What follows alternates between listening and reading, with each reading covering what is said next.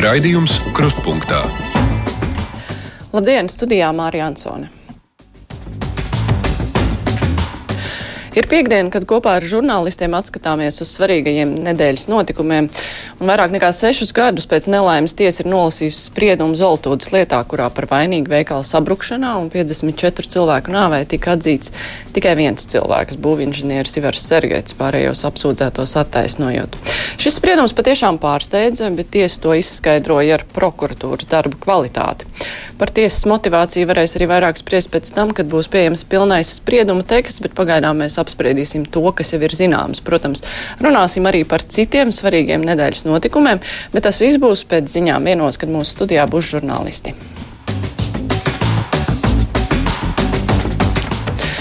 Bet tagad ir piekdienas pagarinātā brīvā mikrofona laiks, un šodien mums būs brīvais mikrofons ar teātra kritiķi Zani Radzobi. Labdien, Zane! Labdien! Uh, nu, man ir tāds jautājums, es nezinu, kurš varētu to atbildēt. Ja? Nu, vispār tie komentāri lieki. Paldies! Jā, es klausītājiem atgādināšu tālruņa numuru. Mūsu studijā ir 6722, 888, 672, 559, un tā tad šodien brīvais mikrofons ir ar teātra kritiķi Zani Radzobi, bet, protams, ka klausītāji mums parasti zvana par visu kaut ko, bet varbūt būs arī kādi zvani par teātru. Mums klausītāji jau zvanīja pirms es nosaucu tālruņa numurus. Paklausamies. Paklausamies. Halo! Halo! Labdien! Labdien! Es gribētu izteikt savu tādu tā kā novērojumu, to, ka Latvijā ir dzimis otrs neaizstājamais cilvēks. Tas ir tāds Pāvils Rebenoks. Pirmais bija Emīls Jakrins, kur visur lika, kad vajadzēja. Un tagad tas ir Pāvils Rebenoks. Un es gribētu, varbūt ka var krustpunktā paaicināt visus šos Rīgas brīvos valsts jaunos locekļus, lai viņi nu, izstāsta savu redzējumu, ko viņi, kā viņi plāno ostu tā attīstīt tādā garā. Mm -hmm, paldies! Sekojiet šai sāgai, Rebenoka. Oi, mums jau ir tik ārkārtīgi daudz to sāgu, kam sekot, ka visam vispār nepaliek laika. Tas ir godīgi sakot, interesantāk nekā teātris. Mm -hmm. nu, jā, labi, klausamies vēl zvanu. Halo! Labdien! Labdien! Mēs gribam noskaidrot tādu lietu, vai mūsu valsts tik tiešām ir tik ļoti bagāta, ja cilvēkiem, kuri saņem gan Latvijas pensiju, gan Krievas, Krievijas pensiju, bērni strādā Amerikā, NASA un viņiem vēl piešķir pabalstu tad cik tālu mēs ejam? Vai tad mūsu ministrs Petrāvičs nevar noskaidrot, kuriem pienākās tie pabalsti, kuriem nepienākās? Kuriem strādā Amerikā NASA bērni? Nu, man te jūrmalā ir pazīstami. Mm. Abi divi bērni, un viņi abi divi vecāki saņem Krievijas pensiju, jo, jo tas bērnu tēvs kādreiz strādāja kara komisariātā. Mm -hmm. Atpazīstat zvanītāju, mūsu pastāvīgā zvanītāja no jūrmālas ir, bet jā, tāds interesants nu, stāsts. Jā, tur roka uz pulsa, tā teikt. um, nu, ko lai tur saka, bet ir jau arī tā, ka cilvēkiem ir tiesības nopelnīt sev iztiku. Nu jā, un viņu vecākiem savukārt saņem tās pensijas. Nu, ja reiz likums to paredz. Tieši tā. Klausītājs Zana, hello! Labdien! Labdien. Uh, es neesmu no tām, kas bieži zvana, bet es gribētu parunāt, iespējams, ka šis jautājums jau ir bieži apskatīts. Ejiet cauri vērmanītim, jā, uh, acīs krīt, jā, tas, tas, mm, tā trūklaka, ja, kas ir burtiski, nu, es nezinu, manuprāt, sabojāt. 150 gadus vecs trūklaka. Un tad tā, tās flīzītes, tās gaišas zilās, spīd pa gabalu. Nu, vai, kas par to maksās, ja kas viņu atjaunos? Tā kā vajadzētu maksāt no šiem tiem, kas pieņem šo lēmumu. Nu, man šķiet, ka tā laikam arī būs. Mm -hmm. uh, vismaz ziņās jau bija ziņa par no, nu, jā. to, ka ka tā neatstās. Ka tā to neatstās un ka tas ir pagaidu variants. Jā, bet e, bija vēl viens trūklaks šeit pie operas, kur bija tādas pašas flīzītes, tikai citā krāsā. Tur jau arī. Nu, tas jau par gaumas jautājums, protams. Un... Mm -hmm. Tā, hello! Labdien! Labdien. Es, es vakar gribēju ministram uzdot jautājumu, bet neiznāca. Es viņam gribēju uzprasīt, vai tie Krievijas bandīti un čekisti, kam vienotības atdeva uzturēšanās atļaus, neapvainosies, ja tiks celts nekustamā īpašuma nodoklis. Un es gribēju uzprasīt tā, vai Latvija atpaliktu no Visegrādas valstīm un no Lietuvas un Igaunijas, ja, ja 91. gadā būtu kom komunistiem lustrācija bijusi. Nu, viss, paldies! Mm -hmm. Zinu, varat, kā ministrs, viņš vakar sēdēja šajā krēslā. Nu, Kaut arī es nāku no performatīvām mākslām, negluži mana uh, perspektīva. Te jums kādu aktieru tad vajag um, uzaicināt, kurš spēj Jā, kurš... iejusties ministra lomā un atbildēt uz šo jautājumu. Un vēl viņa balsī vēlams. Nu, dabiski. jā, bet, nu, jā, žēl, ka klausītājs vakar nesazvanīja ministru, bet es. Uh, Nu jā, es, es, es arī nezinu, ko viņš varētu atbildēt šajā jautājumā. Droši vien, ka par nekustamā īpašumu nodokļu celšanu neviens nav priecīgs. Tajā skaitā tie, kurus viņš piesauca. Klausītājs zvana Hello! Labdien! Labdien! Māra, nu, cik ilgi mēs mocīsimies ar tām partijām? Mēs taču Latvijā ilgi, ilgi dzīvosim, saules mūžu. Nu, sāciet runāt, jūs taču esat ceturtā vara, kad tagad veidojas 40 novadi. Ja? No katra novada pat divi cilvēki uz sēmu. Nu, lūdzu, kas tā būtu par kolosālu sēmu? Cilvēki zinātu, pa ko balsot. Jums ceturtā vara jāsāk par to runāt saulēcīgi, lai nākošās jau būtu. Nu, Gobsens jau tur iesāka par šito, par to mažoritārā. Ja? Bet nu, tas ir pamaz. Vajag pilnīgi no katra novada divi cilvēki uz sēmu un būs super. Paldies! Nu, paldies par sarunu. Es gan nezinu, vai nu, būtu super, ja tieši no katra novada uh, uz sājiem pa diviem cilvēkiem, bet īstenībā tā ideja par tiem jauktiem sarakstiem ir veca un nemaz nav metama zemē. Taču būtu labi, nu, ja varētu balsot par atsevišķiem cilvēkiem. Nu, par atsevišķiem cilvēkiem droši vien būtu ļoti labi balsot, bet tiešā demokrātija tomēr modernā pasaulē Nē, bet uh, ir Kā, arī tādas sistēmas, ka, jā, ka, var, mm. ka var būt gan saraksti, gan arī atsevišķie cilvēki. Bet, nu, t, nezinu, jā. Nu, tā kā Rīgā tulīt uh, būs atkal vēlēšanas, un uh, atkal ir kārtējais pārunu loks par to, ka nav par ko balsot mm -hmm. dažādos lokos, tad tas droši vien būtu ļoti, ļoti populāri. Jā. Izlase. Izlase tāda, jā. Lūk, klausītāja Elita grib zināt jūsu viedokli par jaunā Rīgas teātra izrādi Zelkša Līgava. Droši vien, ka īsā formātā, lai citi brīvā mikrofona klausītāji neapvainojās. Labi. Um, nu, man liekas, ka klasiku iestudēt vajag. Un ir ļoti labi, ka klasika iestudē un iestudē arī pa jaunam. Um, nu, tā pašā laikā katru reizi, kad klasiku pa jaunam pārinterpretē, uh, tad uh, parādās arī uh, pilnīgi jaunas uh, tēmas, uh, kas tā skaitā var būt uh, reizēm arī visai pretrunīgas. Bet tieši tas jau ir tas interesantākais, man liekas. Tāpēc eh, tie klasikas iestudējumi ir tik jauki un forši, eh, ka tad tu redzi arī, eh, kādā veidā tas jautājums ir iepriekš tam risināts. Un tu vari salīdzināt īstenībā, jo tas ir stāsts ne tik daudz par mākslu, kā par dzīvi, par to, kas ir noticis ar dzīvi kaut kādā ilgākā laika periodā. Nu jā, bet konservatīvā daļa mēdz arī kritizēt šādu pieeju bieži vien. Jā, protams, bet tad no otras puses, nu jūs vai mēs, ja mēs esam konservatīvi, vai jūs, ja jūs esat konservatīvi, konservatīvi saprotam, ka blakus ir vēl kaut kāda cita domājoša cilvēka un labākā gadījumā izveidos diskusija. Mm -hmm. Tas arī ir cits stāsts par brīvo mikrofonu, kur viena daļa ir par diskusiju, bet cita nav īsti par diskusiju. Nu, labi, klausītājs Vans. Halo! Labdien! Labdien. Es par tādu vecu jautājumu, kurš tagad pēdējā laikā vispār nav cilvēks. Es nevaru saprast, vai mēs esam tiešām tik bagāti, ka mēs varam tā aizlaist postā mūsu slavenos kurortus, ķemērus un baldoni.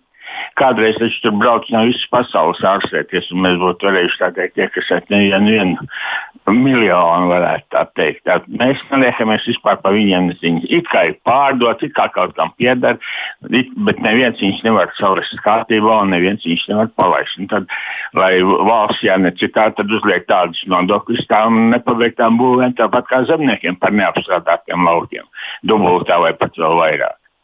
Un man prieks tomēr ir, ka reģionos tābu vienu vietiņu, kur iesprāgties. Citādi nabadzīgs mētājās pa pasauli apkārt, nepieņemts. Paldies!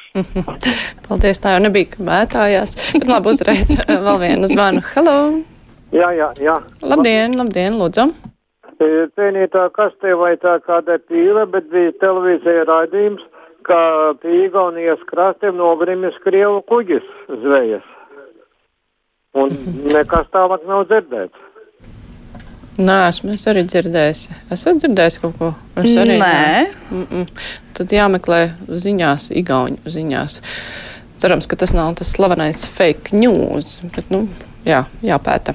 Agnēs raksta, laika ziņā šodien stāstīja, ka visur apmācies mākoņains, bet pie mums bijušajā balvu rajonā kopš paša rīta spīd saule. Saulēnu arī jums šodienu. Cik jauki. Mm -hmm. Jūs laika ziņā šodien teica līst, bet pie manis sniga. Jā, pie manis arī sniga. Savukārt Uldis grib zināt, vai teātrī jūt ekonomikas izaugsmas kritumu. Ir samazinājies skatītāju skaits. Mm, tas īstenībā būtu jautājums dažiem teātriem direktoriem. Es domāju, ka nē. Um, Latviešu teātris ļoti, ļoti mīl, un bez tam ir ļoti daudz cilvēku, kuri uz labajām izrādēm fiziski ļoti daudzus, daudzus gadus stāv rindās un mēģina dabūt biļetes. Tā kā tas uh, kritums īsti nav tā jūtams. Bet, nu, uh, no, savukārt no otras puses mēs bišķiņi uztraucamies, protams, par to, ka, ja teātra biļešu cenas ir pietiekami augstas, ņemot vērā, cik daudz mums ir cilvēku un, un, un kā tie dzīvo. Un, un droši vien, ka ģimenei aiziet uz teātri nozīmē vismaz 100 eiro. Tad nu, tas nekādu rožainu nākotni droši vien Mm -hmm. nesola. Nu jā, bet tajā pašā laikā tajai nu, stāsta droši vien, ka nevis, ka biļetes ir tik ļoti uh, dārgas, nu, ja mēs salīdzinām ar citām valstīm, bet cilvēki saņem pārāk Jā, nē, biļetes īstenībā Latvijā priekš tā mākslas produktu, ko mēs šeit varam dabūt, nu, ja Alvi Hermaņa izrādes ir iespējams nostīties par 30, 40 eiro, tā ir Eiropā un pasaulē neiedomājama. Summa. Mm. Tas ir šausmīgi lēti. Uh, bet, nu, protams, tieši Uz tā kā jūs teicāt, uz fona. mūsu algu fona. Mm. Tieši tā. Jā. Nu, klausītājs zvana. Halo!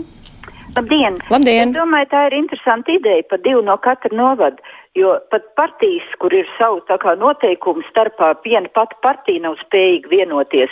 Nu, tad, ja būtu divi no katra, es vispār nesaprotu, kādus, kādus likumus un ko pieņemt. Tad ir Ulmans jāmodina augšā, un tad, lai būtu kā 34. gada diktatūra, kad līdz tam kaut bija partijas, bet bija tik daudz partijas un katram savu domu, ka nevarēja pieņemt 30. gados nevienu vispār likumu, kāvās, skandalēja un trakoja pa saimnu. Nu, tad tagad, ja divi no katra novada, ka pat novados viņš skandalē, nu, tas būtu vienkārši lustīgi.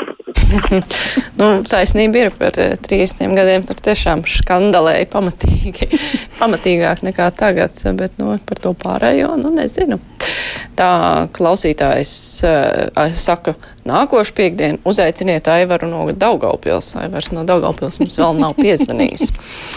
Savukārt tā Rēreris, tas ir tāds niks, laikam, klausītājiem raksta, kā re un reķers pie darba, tā gaidāmas ziepes, kam vēl ir jānotiek, lai šim kantorim vairs neļautu piedalīties valsts iepirkumos. Tas ir par to Siguldu laikam. Nu, tas droši vien ir par Siguldu un par visiem foniem, kas ir saistīti ar arī ar visām kultūras institūcijām un lielajām būvēm un, un tā tālāk. Bet nu, kāds tāds jautājums patiesībā vietā? Nu, cik ziepēm ir jāsanāk, lai nepiedalītos valsts iepirkumos? Nē, nu, acīm redzot, jau tas sloks, kas iep, vispār ir spējīgs piedalīties valsts iepirkumos, ir ļoti, ļoti šaurs. Mm -hmm. Visā šajā procesā. Un, un līdz ar to tie uzņēmumi nemitīgi um, griežas riņķī, un droši vien tas ir stāsts par to pašu, kas ir stāsts visur citur. Ja nav kaut kāda kontrolas mehānisma no malas, un ja pašiem nav nepieciešams savākties, nu tad arī nu tad mēs redzam, tā kā vakardienas ziņās teica, septiņus mēnešus uh, mm -hmm. nespēja noreportēt pasūtītājiem, kas sadedzinājuši viņa griestu detaļas. Jā, tik ilgi vajadzēja saņemties. Klausītājs zvana Halo! Labdien! Labdien. Andrēs pats zemnieks un zinātnieks tāds filozofisks jautājums. Nu, bieži vien saka tā, ka dzīve ir viens liels teātris. Nu, ņemot vērā to, kas notiek uh, vakar un šodien Ukrainā, ka tautieši ap, apmētā savus tautiešus tikai par to, ka viņi no Ķīnas atgriezušies, ņemot vērā, kā pasaule viss trako ap to vīrusu. Es pacēlu senu grāmatiņu, 2007. gadā izdota Silvija Brauna, un 203. lapusē tur ir rakstīts, ka 2020. gadu pasaulē ir pieredzējis, ka ļoti daudz sāk staigāt ķirurģiskās maskās, rokās būs ķirurģiskie cimdi, jo izplatīsies plaušu slimība, kas skars abas plaušu puses un bronhus. Bet šī slimība izgaisīs pat no sevis uh, vasarā, bet visu cilvēku zinātni samulsinās ar to, ka parādīsies pēkšņi atkal pēc desmit gadiem. Jautājums teātris speciālistē. Kas ir uh, režisors lūk, dzīves plūsmai? Mēs te vaidām, pukstam tā tālāk un domājam, ka kaut ko ietekmējam. Paldies! Oi, nu tad droši vien dažādiem klausītājiem būtu ļoti dažādas atbildes par to, kas ir režisors. Mm -hmm.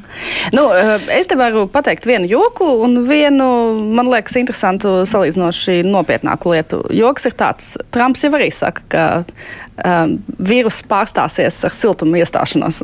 Nu, Tā kā nekāda problēma. Uh, bet nopietnāk, man liekas, ir, ir interesanti tas, kā kultūra dažādos aspektos ir reflektējusi. Un īsnībā tās grāmatas un pētījumi dažni dažādi pusezotēri un, un pusnopietni par to, kas notiks ar pasauli nākošajos simts gados, ir, man liekas, bijušas vienmēr, nu, katrā gadījumā, kurš 15. un 16. gadsimta noteikti. Un tad ir šausmīgi interesanti iet atpakaļ uz uh, kaut kādu, teiksim, simts gadu um, periodu un lasīt tās grāmatas uh, par laiku, kurā mēs šobrīd dzīvojam, Jā. un apskatīties, kas ir piepildījies kas, un kas nē.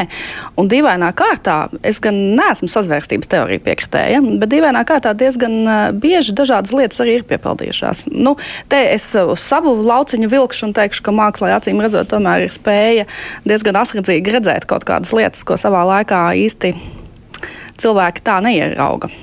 Varbūt uh, labi sajust to, kas jau ir noticis, un izdarīt secinājumus, kā tas var attīstīties tālāk. Jā, jā, jā. vēsturē ir milzīga, milzīgs potenciāls. Zinot vēsturi, var pateikt dažādas lietas uz priekšu, protams. Mm -hmm. nu, klausītājs zvana. Hello! Labdien! Labdien. Mārīt, man ļoti patīk vispār brīvais mikrofons un patīk tas raidījums vispār, bet man tikai patīk vispār, ja visi komentētāji vispār ļoti, ļoti apdomāti vispār tie, kas zvana, ja?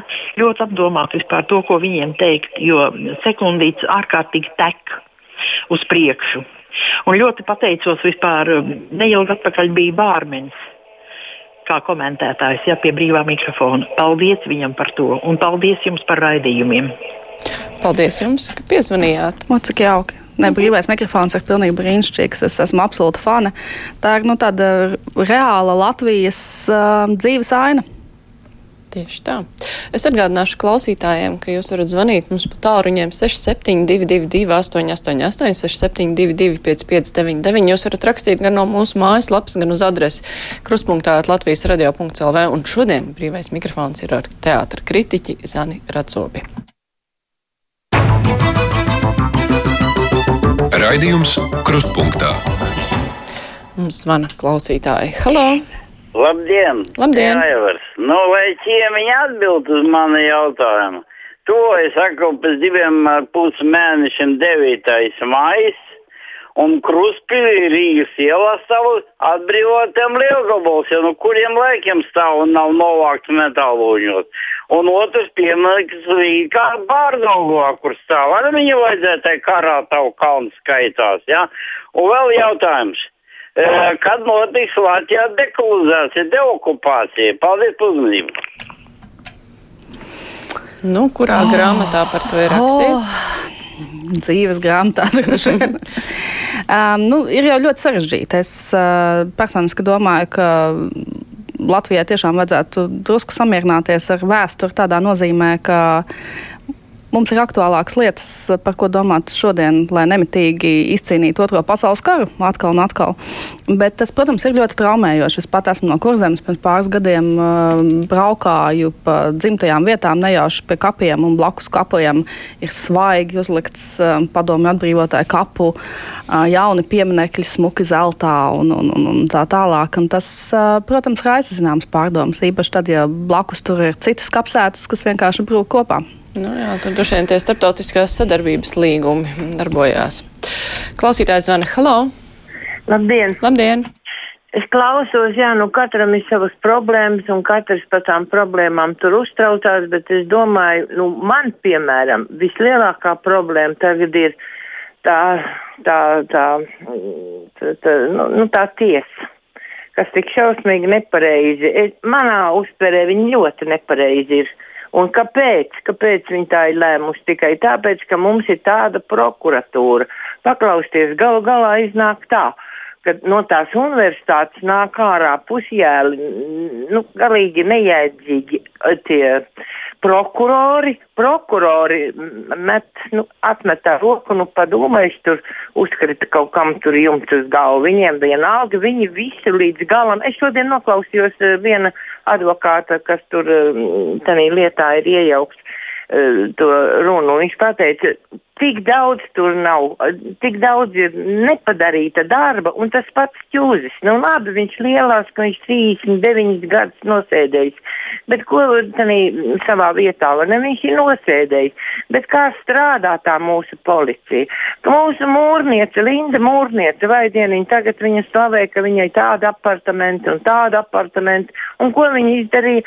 Viņa taču to, e, nu, kā lai saka, to, to skolu aizslēdza ciet. Nu, tagad mums ir vispār ne no tās prokuratūras kaut kas ir, ko mēs par saviem nodokļiem uzturam šitādus te neiedzīgus, nu nejēgas jāsaka. Pro Mm -hmm. nu jā, es pārtaucu, ne, gan ka prokuroriem nav tā, ka viņiem padūmējuši kaut kas uzkrita, bet uh, par izglītības, ne, bet, vai, vai arī pieredzes šādās lietās trūkumu taisnība jau ir.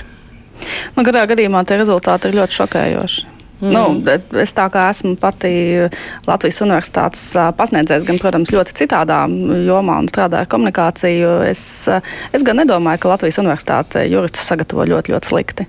Bet, protams, tas stāsts par to, cik juristiem maksā un cik viņi ir ārkārtīgi noslogoti valsts darbā un kādas ir tās sekas, nu, tas, diemžēl, ir diezgan briesmīgi. Un tad, kad nāk šāda mēroga cilvēciska traģēdija pretī, tad tas izklausās un izskatās ārkārtīgi ciniski, protams, no valsts puses.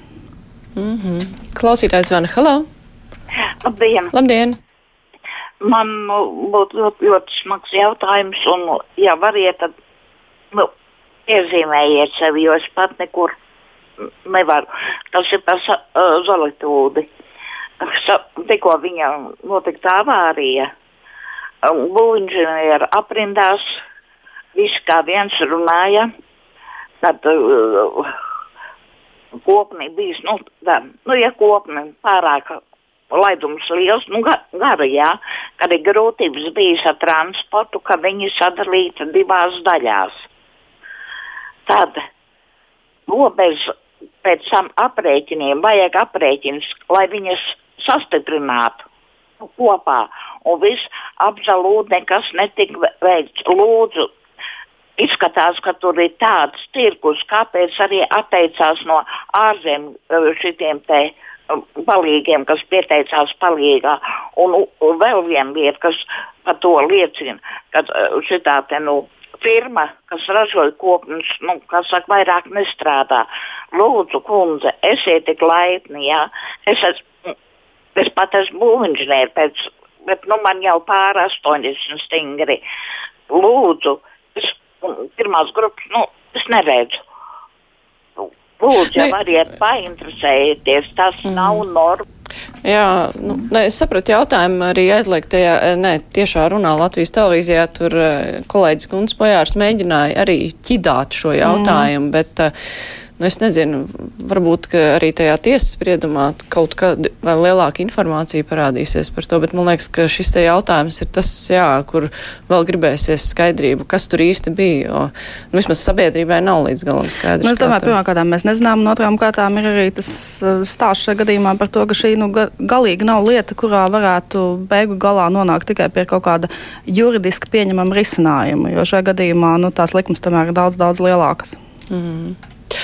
Klausītājs zvana Halo! Labdien! Labdien! Ka jums eh, teātris speciālisti stāsta, ka eh, teātris biļets maksā 30, 40 eiro. Tā jau teātris var dzīvot eh, ļoti lepni. Kāpēc tautai katru gadu teātriem jāmaksā dotācijas miljonus eiro apmērā katram teātrim? Tā kā, tā kā tie teātri jau nav rentabli, viņi jau nav vajadzīgi. Nu, nezinu, vai teātris var dzīvot ar 30 eiro. Teātris nevar dzīvot, jo teātris īstenībā ir ļoti dārga māksla. Bet es eh, vienīgais, ko gribētu teikt, eh, šeit īstenībā nav tā, ka teātri nav vajadzīgi vai māksla vispār nebūtu vajadzīga. Tā man liekas tāda bīstama tendence, kas eh, Latvijā ir ieviesusies. Jo, protams, mums ir ļoti daudz sociālu vajadzību, kas ir neapšaubāmas un, un, un naudas trūkst visam. Bet nu, tā pati nacionāla identitāte, par ko mēs runājam dažādos veidos, tas, ka mēs risinām dažādus sociālus mākslas eh, jautājumus. Nu, tā ir arī mākslas funkcija. Ļoti daudz cilvēku vispār uzzina par to, kā dzīvo citi cilvēki caur medijiem, caur mākslu dažādos kontekstos, un tas ir ļoti svarīgi, man liekas. Klausīties, Vana, halo! Labdien! Labdien! Nu, to, ko jūs saucat par mākslu, tā faktiski nav nekāda māksla. Šitais kultūra marksisms, kas tagad ir eksistē Latvijā un viss pārņems, tā ir, var sakot, parodija, tas ir degradācija pilnīgi, un jūs to uzskatāt par mākslu. Tā nav nekāda māksla. Viņa jau sākās padomu, padomu laikos, kad sāk to teātri čakarēt ārā, vai tagad kāds ir redzējis kādu skaistu reālu lūgu, nav iespējams. Vai nu tur pēc mērkaķiem apģērbās vai kaut ko bļaustās pa to skatu, un kritikas jau arī nav. Jūs esat kritiķi. Kāda kritika? Jūs pasakiet, tur nepareizi gaismu ieslēdzies vai vai no, ne no tās puses uznāca uz skatuves, bet patiesībā tas viss tā izrādi, tā ir degradācija. Pilnīga. Un kāpēc jūs uzaiciniet tādus cilvēkus, kas te tēlo žīdu pakalpoņus? Mm -hmm. Aizgāja vecais labais stāsts. Jā. Nu, te īstenībā man liekas, ka šī tādu jautājumu jau aptuveni gaidīju, jo cilvēki patiešām ir ļoti dažādi. Un tas man liekas, ir ļoti labi, ka cilvēki ir dažādi. Tāpēc māksla ir dažāda un viedokļu dažādība ir ļoti liels uh, pluss, man liekas, jebkurā sabiedrībā. Uh, bet man liekas, ka uz šo var atbildēt ļoti vienkāršā veidā. māksla ir tāda, kāda ir dzīve. Un, ja kādreiz uh, kādam liekas, ka viņš uz skatuves redz kaut kādas degradācijas pazīmes, tad lielākā daļā gadījumu tas ir tāpēc, ka arī dzīve ir tāda. Mm -hmm. Vienkārši un skaidri klausītājs Ivers raksta. Viņš nepiekrīt, ka brīvais mikrofons attaino visu sabiedrību, jo te pamatā zvana tie, kas kaut ko nav, ar kaut ko nav apmierināti, un arī ļoti daudz antisemīti un rasisti. Nu, vēl viens zvans. Halo! Labdien! Labdien! Lūdzu, man būtu divi tādi jautājumi. Ļoti žēli par zooloģisko dārzu, ka tas arī tiek izpostīts tiešām vārdu pilnā nozīmē izpostīts tik labi darbinieki, un viņi tagad tiek atlaisti. Tas ir viens. Un otrs, gribētu lūgt, lai pūce ar savu kompāniju šo sestdienu, svētdienu varbūt izbraukā Latviju un paskatās Latvijas kartē, kā ir sadalīta Latvija, jo viņi jau nezina, kur tā vieta un kur atrodas, kā sadala tagad novadus, vai tam ir kāda jēga, lai paskatās, kur cilvēki varēs aizbraukt un kā tas viss notiek. Lai apskata Latvijas karti, jo viņu jau šoferis aizved. Viņš jau nezina, kur viņš aizbrauc ir komentārs. Mums pusminūte vien palikusi pēdējais zvans, paliks nepacelts. Tieši tā, uz, to, uz šo grūti atbildēt. nu, jā. Humoram Ines raksta, lai šorīt laika ziņās Toms Bricis un raidījuma vadītājs ieteica nezvanīt, ja nav elektrības, bet apskatīties uzņēmuma mājaslapā vai bojājums ir fiksēts. Laikam tas ir tas humors, ja nav elektrības. Jā, es saku paldies Anē Radzobē teātra kritiķei. Paldies par piedalīšanos mūsu brīvajā mikrofonā. Mums savukārt būs ziņas pēc tam žurnālistu diskusijā.